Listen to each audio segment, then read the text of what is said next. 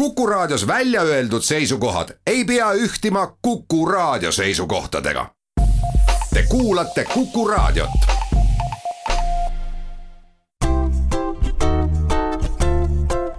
patsiendiminutid, Patsiendiminutid toob teieni Eesti Patsientide Liit tere, hea Kuku kuulaja!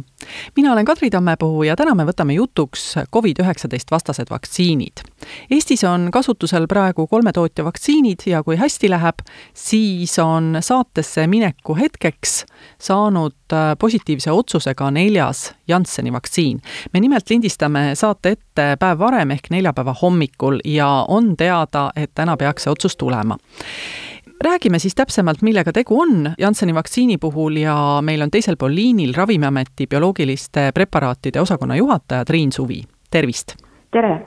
täna kasutusel olevad Pfizeri, Moderna ja AstraZeneca vaktsiine nimetatakse uuenduslikeks vaktsiinideks. mis on Jansseni vaktsiini sees ja, ja kas see sarnaneb ka juba mõne olemasoleva vaktsiiniga, mis müügil on?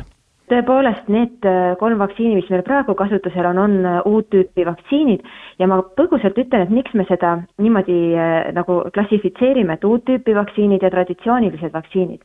et traditsiooniliste vaktsiinide sees meil vaktsiin sisaldas juba valmis antigeeni ja antigeen on siis see osa viiruse pinnal, mis algatab meil immuunvastuse, et viiruse pinnal on erinevad valgud ja neid siis nimetatakse antigeenideks.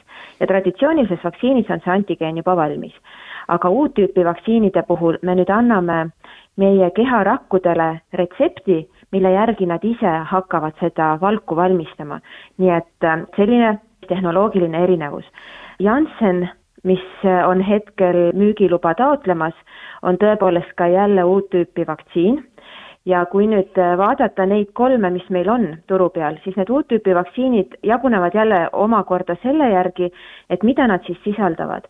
Nendest kolmest kaks, Comirnaty ja Moderna vaktsiin, sisaldavad mRNA-d, mis on siis üks nukleinape tüüp, ja see mRNA on pakitud pisikese liposoomi ehk rasvamullikese sisse ja see on siis vajalik selleks, et see mRNA ehk retsept liiguks meie rakkudesse. Jansseni puhul me saame öelda, et on sarnane AstraZeneca vaktsiiniga selles osas, et mõlemad sisaldavad siis äh, viirusvektorit, mille sisse on retsept pakitud DNA-na ja, ja see viirusvektor ongi siis jällegi transporteri ülesannetes, et ta viib selle DNA rakku, kus siis hakatakse antigeeni valmistama. kui me räägime sellest transporterist või sellest transportijast, et siis on teada, et see transportija on adenoviirus. et adenoviirusega on see häda, et nendega puutub inimene ju elu jooksul väga palju kokku. Need tekitavad külmetushaigusi ja osade vastu on ka kehal kaitse olemas. nii et kui mm -hmm. sellise adenoviirusega vaktsiin süstida organismi, siis võivad need kehas juba valmis olevad antikehad hakata hoopis kahjutuks tegema seda vaktsiinikandjat, ehk siis justkui seda pakendit, kui nii võib öelda, ja vaktsiin ei saagi üldse toimet avaldada. kuidas seda probleemi lahendatakse, et kuidagi ära petta inimeses juba adenoviiruse vastu olevad antikehad? petma ei minda eh, nii-öelda piltlikult kohe, aga tõepoolest adenoviirused on sagedased väikeste külmetushaiguste põhjustajad ja kui neid ütleme, viirusvektoreid valitakse, siis valitaksegi adenoviiruse need tüved, mis on võimalikult vähe immunogeensed. ehk äh, viirused tekitavad meie kehas nagu erineva tugevusega reaktsiooni. mõni viirus algatab hästi tugeva immuunvastuse ja teine viirus jällegi nõrgema. nii et valitaksegi need äh, tüved, mis siis on teada, et on vähem immunogeensed ja siis võib eeldada, et, et ka neid antikehi siis võib-olla eelnevalt on juba vähem ja kui meil on siin kaheannuselised äh, vaktsiinid, et siis ka need kaks annust üksteist siis nii väga ei segaks, sest et ka esimese annuse järgselt ju tekivad äh, antikehad.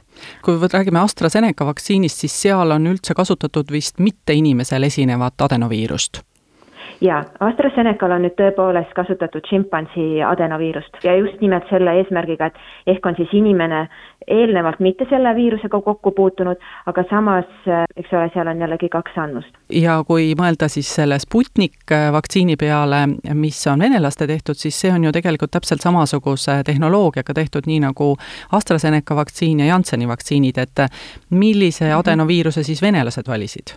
Venelased äh, läksid nüüd äh, hoopis huvitavat teed, neil on ka kaks annust viirusel ja annused on erineva viirusvektoriga.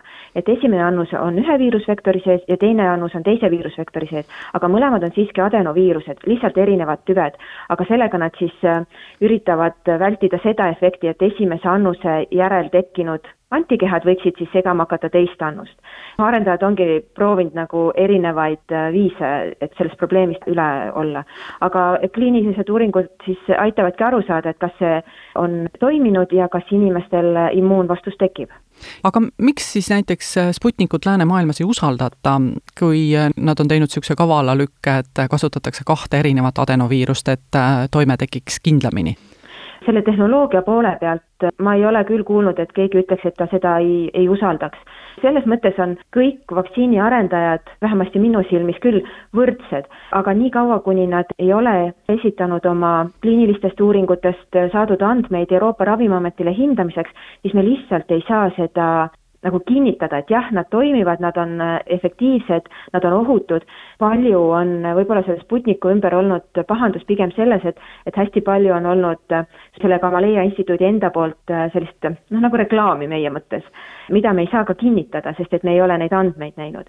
aga praegu on Euroopa Ravimiametis alustatud Sputnikuga mitte nüüd müügiloa protseduuri, vaid eelhindamise protseduuri, nii et Äh, on lootust, et mingil päeval ka Sputnikuga jõutakse müügiloa protseduurini.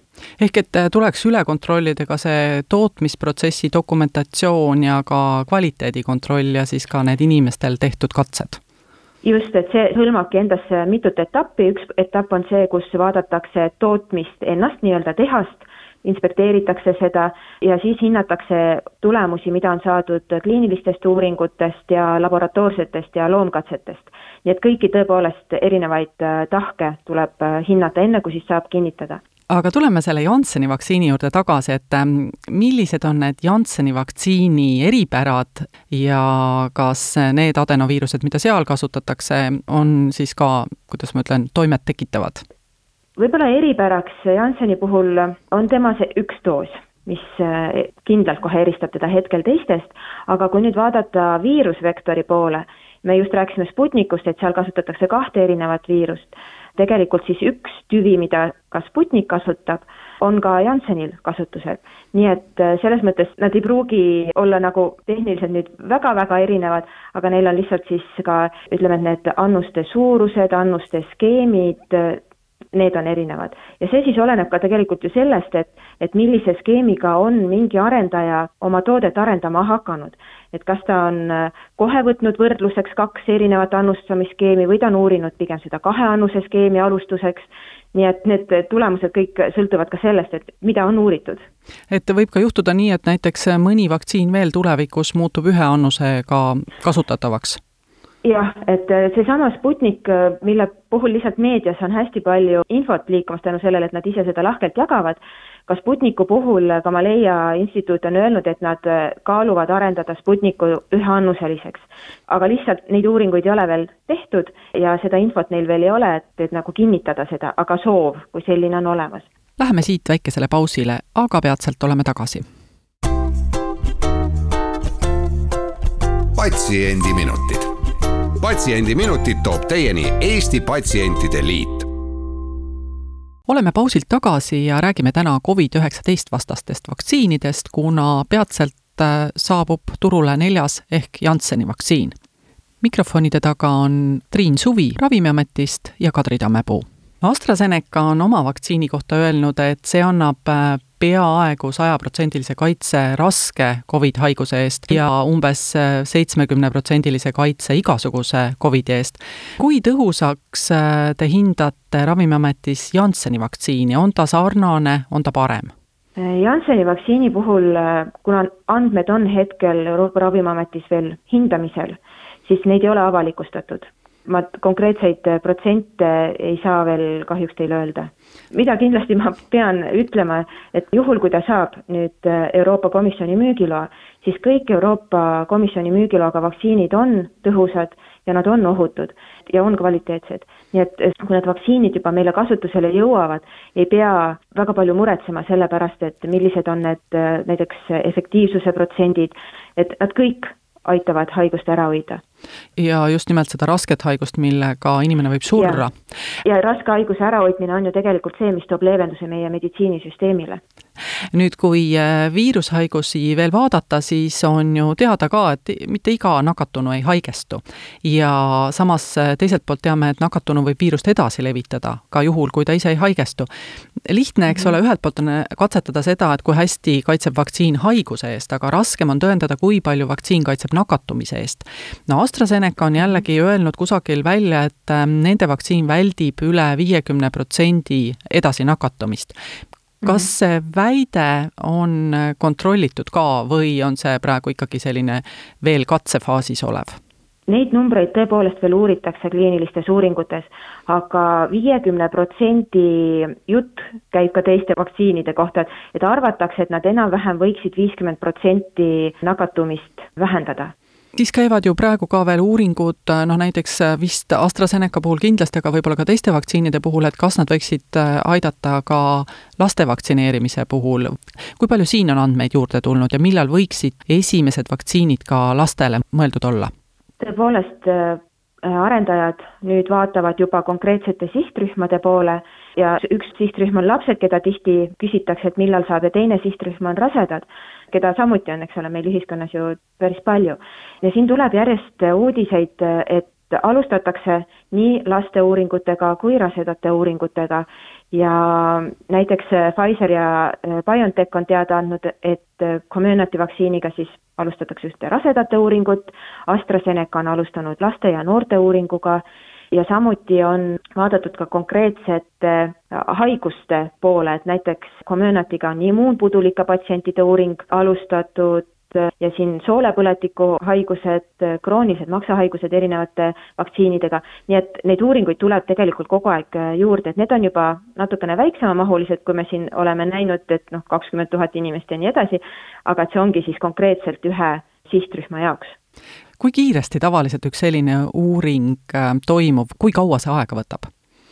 kolmanda faasi uuring üldjuhul kestab äh, kaks aastat ja just äh, selle eesmärgiga, et me saame siis teada tõepoolest, kui kaua tekkinud immuunsus kestab ja samuti siis jälgitakse ka kõrvaltoimeid selle kahe aasta jooksul praegu müügiluba on saadud ilmselgelt kiiremini, aga seal on siis erinevad etapid, millal saab öelda efektiivsuse kohta ja millal saab öelda, et vaktsiin on ohutu, kindlasti see kaks aastat ei pea täis olema, et seal on ka omad äh, nii-öelda vaheetapid siis, millal me saame neid hinnanguid juba anda. aga ka need uuringud, mille põhjal on müügiload antud, need tegelikult kestavad veel edasi. räägime natukene ka kõrvaltoimetest, sest äh, inimesed ju väga palju küsivad selle kohta. no Austria teatas pühapäeval, et on peatanud ettevaatusabinõuna AstraZeneca vaktsiini ühe partii ja see puudutab ka Eestit. ka Eestis on siis teatud vaktsiinid praegu kasutamisest kõrvaldatud. mis siis täpsemalt juhtus?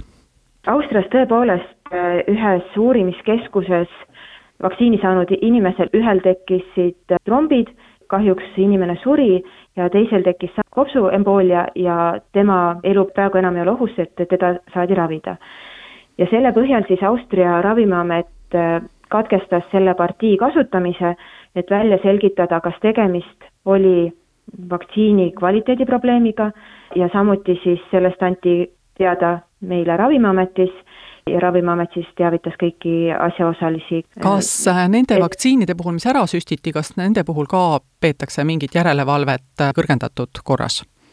me kohe vaatasime järgi, et kas need inimesed, kes meil on seda partiid saanud, kas nende seas on olnud neid, kellel on tekkinud rasked kõrvaltoimed, kas on tekkinud äh, samasuguseid äh, nähtusid nagu Austrias, aga meil Eestis ei olnud mitte ühtegi sellist juhtumit ja kõik juhtumid, mis liikmesriikides toimuvad, kogutakse kokku ühtsesse Euroopa andmebaasi ning ka seal andmebaasis tegelikult selle partiiga ei olnud seotud mitte ühtegi juhtumit. ja see partii oli iseenesest väga suur, miljon doosi ja see läks seitsmeteistkümnesse liikmesriiki. rohkem signaale, et vaktsiinil võiks olla kvaliteediprobleem, ei tulnud, aga siis vaatamata sellele see partii pandi siis hetkeks Eestis ka hoiule ja Euroopa Ravimiamet siis äh, uurib seda võimalikku seost no lisaks kvaliteediprobleemidele, mida tuleb ju tegelikult vist suhteliselt harva ette, on vaktsiinidel ka lihtsalt ebasoovitavaid toimeid, mis aeg-ajalt ähm, välja löövad äh, ja ei ole siis ainult AstraZeneca omal, vaid ka Pfizeril ja Modernal näiteks. kui palju on selliseid ebasoovitavate või kõrvaltoimete teatisi Ravimiametile nende vaktsiinide kohta praeguseks saabunud? Tõepoolest, neid kõrvaltoimeid saabub meile praegu päris palju, inimesed on hästi teadlikud sellest, et kõrvaltoimetest tuleb teavitada, aga kui nüüd vaadata protsentuaalselt, et äh, kui palju süstitud vaktsiiniannuste kohta on kõrvaltoimeid tulnud, siis me saame öelda, et kõigi nende kolme puhul see jääb kuskil ühe-kahe protsendi piiresse, mis tegelikult äh, noh, ei ole väga palju.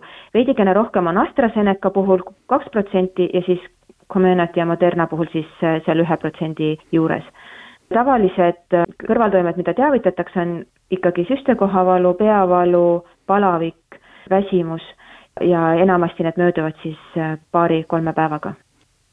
Kui nüüd ikkagi kõrvaltoime ilmneb, siis mida inimene teha võiks, no lisaks sellele, et ta saadab Ravimiametile või laseb arstil saata Ravimiametile kõrvaltoimeteatise?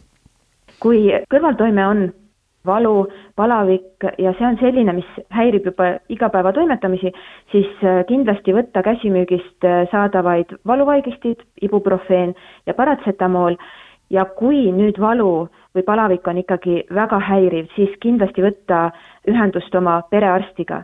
Ta aitab teil siis kas kõrvalnähtusi siis leevendada või võib-olla tuleb minna arsti juurde. ja lisaks kindlasti, kui kõrvaltoime kestab nüüd rohkem kui kolm päeva, siis tuleks ka kindlasti arsti poole pöörduda, et, et veenduda, et, et ei vaja nagu rohkem ravi mõnikord inimesed kardavad, milline võiks olla vaktsiini kaugmõju, noh näiteks kümne aasta pärast. mida te ütlete nendele kõhklejatele, kes ei julge hästi vaktsiini süstida, et tahaks oodata ja vaadata, mis saab?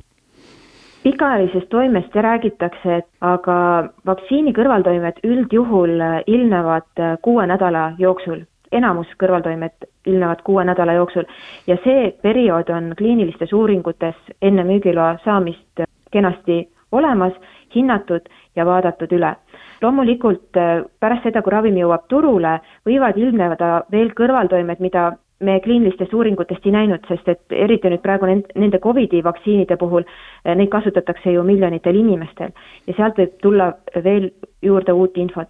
aga üldiselt äh, selliseid pikaajalisi kõrvaltoimeid vaktsiinidel ei ole, mis avalduvad teil nüüd kahe, kolme või kümne aasta pärast mis on saanud Ravimiameti uurimisest, kus meil Eestis üks kolmekümne ühe aastane mees suri paar nädalat peale vaktsineerimist ja millal need tulemused avalikuks võiksid saada?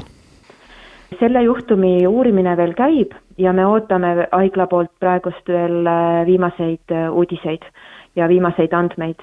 nii et äh, hetkel ei ole meil veel võimalik ametlikku hinnangut sellele anda.